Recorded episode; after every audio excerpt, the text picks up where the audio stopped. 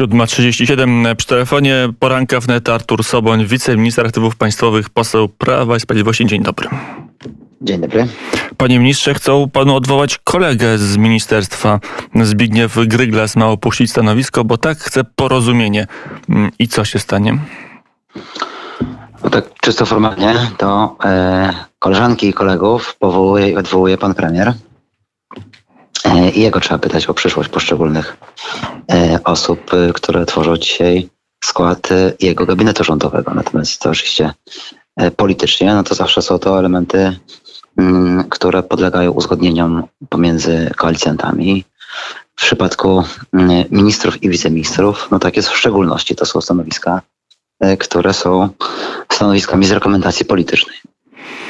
Mm, no dobrze, ale jeżeli jest tak, że mm, kierownictwo PiSu, a o tym mówią media, mówi nie, nie będziemy odwoływać tych, których y, Jarosław Gowin wyrzucił, a Jarosław Gowin mówi, mm, to jest nasza decyzja, to mamy konflikt, kolejny konflikt w koalicji rządzącej. No, takie konflikty bywają, e, natomiast on jest raczej e, funkcją e, tej sytuacji wewnątrz porozumienia niż, niż kłopotem obozu rządowego. Raczej mamy taki spór, bym powiedział, prawny wewnątrz jednego z koalicjantów, niż e, zagrożenie dla rządowej e, większości.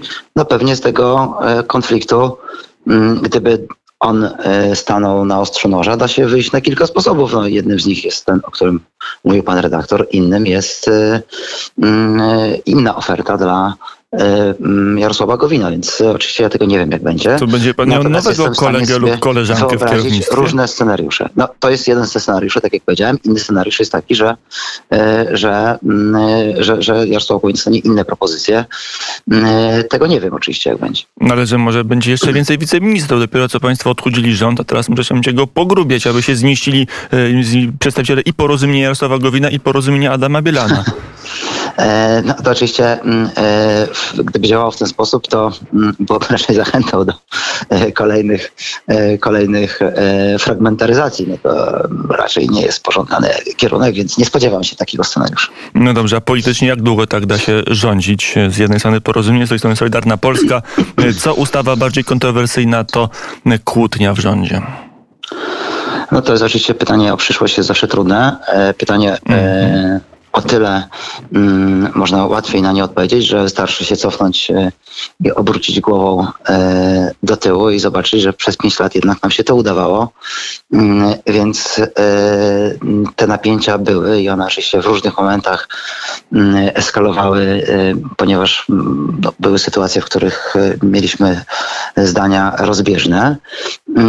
Natomiast dzisiaj nie tyle chodzi o programowe zdania rozbieżne, bo te bywają, ale myślę, że one nie są w stanie zagrozić e, większości parlamentarnej, ile rzeczywiście o pewien spór prawny, który ma miejsce wśród jednego z koalicjantów i ono oczywiście rzutuje na e, nastrój w ramach Zjednoczonej e, Prawicy, ale tak jak powiedziałem, no to jest wyłącznie kwestia wewnętrzna, e, tak to dzisiaj traktuję. No. Porozumienia, a nie kwestia wewnątrz obozu rządowego. Panie ministrze, z całym szacunkiem nie jest, bo już się rozbija o to, kto w rządzie będzie, a kto nie będzie. I to już będzie wpływać na kształt y, samego rządu. To już nie jest polityka, to jest już y, administracja państwowa. W momencie, w którym to będzie wpływać na e, kształt rządu, e, w tym momencie no, przyznam rację, że to jest również e, element rekonfiguracji rządowej. Dzisiaj takiej sytuacji nie ma. Wczoraj po południu wnet e, Władysław Teofil Bartoszewski, poseł PSL-u, powiedział, że był moment na wiosnę, na przełomie marca, kwietnia, kiedy mógł powstać, kwietnia, maja dokładnie, przepraszam, że mógł powstać rząd opozycyjny i że tym elementem, który się wachnął i który doprowadził do tego, że tego rządu nie było, to nie był Jarosław Gowin, tylko e, jedna z partii opozycyjnych. To jest taka historia, która jest e, opowiadana przez e, koleżanki i kolegów e, parlamentarzystów z innych klubów. Ja oczywiście nie wiem, jak było, nie przesądzam tego, jak ta rzeczywistość na wiosnę ubiegłego roku wyglądała i jak wyglądały te rozmowy, czy one. Ale z perspektywy czasu, pan jest ważnym politykiem Prawa i Sprawiedliwości. Związanych z przesunięciem wyborów, czy też dotyczyły czegoś więcej. Mm, natomiast wiem e, to, co powiedział Grzegorz Schetyna wczoraj, zdaje się, że politycznie to są kompletne banialuki. To znaczy, to się po prostu w tym Sejmie nie wydarzy. No dobrze, ale Jarosław Gowin porusza się w logice opozycyjnej czy koalicyjnej? E, Jarosław Gowin e, porusza się przede wszystkim e, w interesie mm, swojego środowiska politycznego, a dzisiaj ten interes moim zdaniem jest równoznaczny ze współtworzeniem obozu obecnego obozu rządowego i obozu Zjednoczonej Prawicy. I Jarosław Gowin jest człowiekiem racjonalnym i też to wie. Nie wypowiada się, nie przecina spekulacji, nie ma jasnego stanowiska, nigdzie się nie wybieram, nie mam zamiaru rozmawiać z opozycją o budowaniu jakiejkolwiek innej większości w obecnej kadencji. No to jest potwierdzenie tego, co powiedziałem. No nie wypowiada się, mógłby tak powiedzieć, nie powiedział. Milczy. No nie, ale e, wielokrotnie, wielokrotnie e, posłowie, i to po obu stronach, e, po obu stronach tego sporu w porozumieniu, mówili dokładnie ten przekaz, o którym mówi pan redaktor. On mógł być cytatem z zarówno ale z całym posła szacunkiem, jak to mówi. jak i posła Bukowca. No mógłby być cytatem obu, obu z nich. Nawet jeżeli to mówi rzeczniczka partii, to nie jest to samo co głos prezesa czy wicepremiera Jarosława Gowina. Jarosław Gowin aktualnie jest, e, bym powiedział, bardziej powściągliwy w słowach i też to obaj rozumiemy, dlaczego, dlaczego? E, dlaczego tak jest. No, rozumiem, że daje sobie przestrzeń do tego, aby, mm, aby mm, w, osiągać swoje cele polityczne e, i one dotyczą póki co sytuacji wewnątrz własnego środowiska politycznego.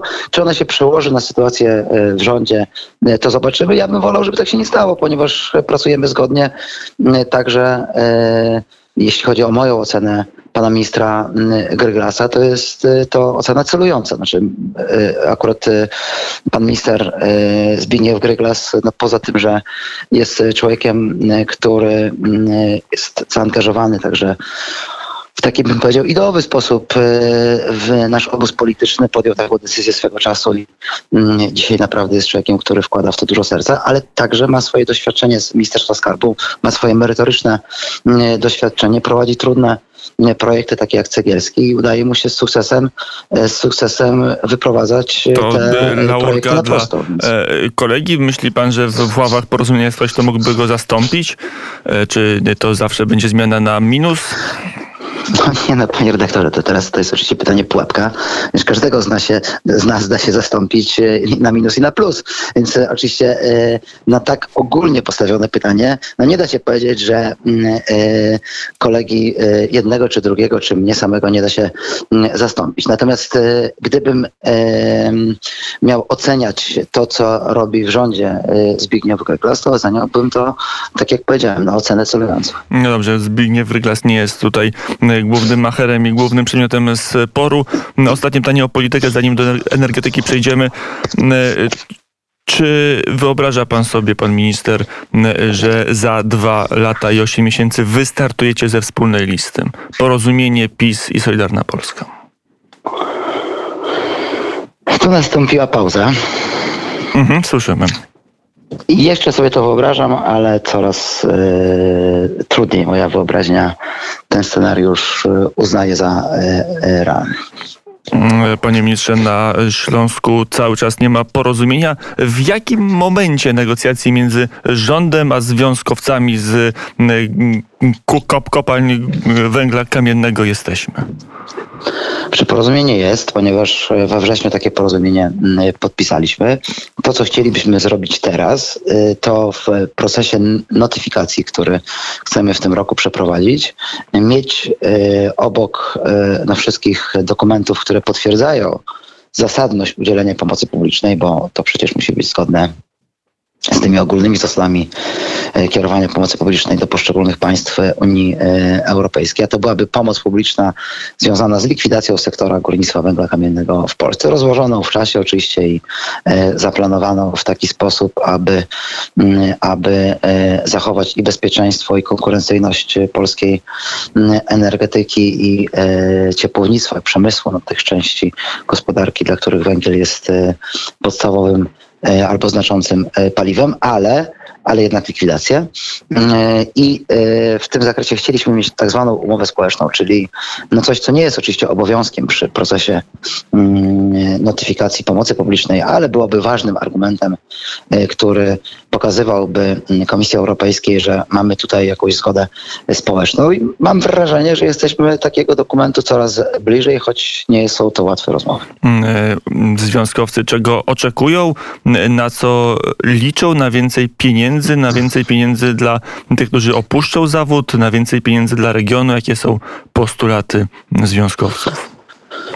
No, znaczy, związkowcy ze Śląska to doświadczeni gracze w tego typu rozmowach mm, i e, to nie jest tak, że e, swój e, zestaw oczekiwań koncentrują wyłącznie w jednym obszarze. To jest cały wachlarz.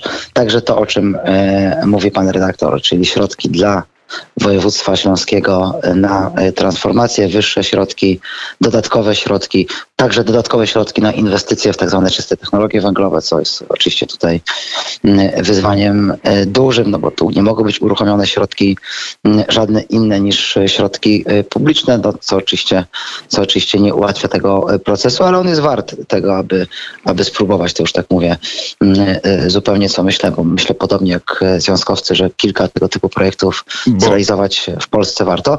Ale Klimat dla górnictwa nie jest, nie, jest, nie, nie jest najlepszy, bo jeżeli nie Prawo i Sprawiedliwość, to Platforma z Zielonymi albo Lewica i no wtedy tak. związkom może być trudniej osłony socjalne to też jest temat, y, harmonogram y, likwidacji poszczególnych kopalni to też jest oczywiście wrażliwy, wrażliwy temat i zasady tej pomocy publicznej to też jest wrażliwy, y, wrażliwy temat, no bo one będą mniej lub bardziej rynkowe. No, zrozumiałe jest, że my byśmy chcieli, aby one były jak najbliżej rozwiązań rynkowych. To pewnie idealnie tutaj czystego rynku nie ma, ale żeby benchmarki były przynajmniej rynkowe, no o tyle związkowcy mm, pewnie chcieliby, aby to miało charakter bardziej socjalny. Ale zgoda, że jesteśmy dzisiaj w sytuacji, w, których, w której w tych rozmowach. Strona społeczna zdaje sobie sprawę z tego, że znaczenie węgla w gospodarce no jest od lat redukowane i ono jest coraz, coraz mniejsze, że regulacje rynkowe, które wpływają na popyt i na e, koszty, e, no sprawiają, że ta mm, e, działalność jest coraz mniej e, konkurencyjna. No wreszcie mm, sama geologia i e, obiektywne takie czynniki, które mm, powodują, że kopiemy coraz głębiej, coraz trudniej jest ten węgiel wydobywać i jest to coraz cięższa praca, bo pomimo umaszynowienia, to te warunki geologiczne są po prostu coraz trudniejsze i no, coraz mniej osób po prostu jest zainteresowanych I to jest kierunek rządu, chociaż jeszcze w poprzedniej kadencji było trochę inaczej. Dwa pytania, proszę o dwie krótkie odpowiedzi. Czy Krzysztof Tchórzewski, szef Ministerstwa Energii w poprzedniej kadencji, e, bierze udział w negocjacjach? Nie. E, czy to prawda, że e, jest propozycja, aby było 300 tysięcy dla każdego górnika, który odejdzie z zawodu? Nie. E, i mamy dwie jasne odpowiedzi. E, pani nie, to są dwie informacje, które zupełnie nie wiem skąd e, pan redaktor To nie są informacje, to są, to są pytania. Obie są nieprawdziwe. No dobrze. Artur Soboń, wiceminister aktywów państwowych, poseł Prawa i Sprawiedliwości, był gościem poranka wnet. Bardzo serdecznie dziękuję za rozmowę. Bardzo dziękuję. Na zegarach godzina 8.50, 7.50, przepraszam, najmocniej, spokojnie, muszę się nie irrytować. To ostatni dzwonek, abyśmy my zameldowali się w Paryżu.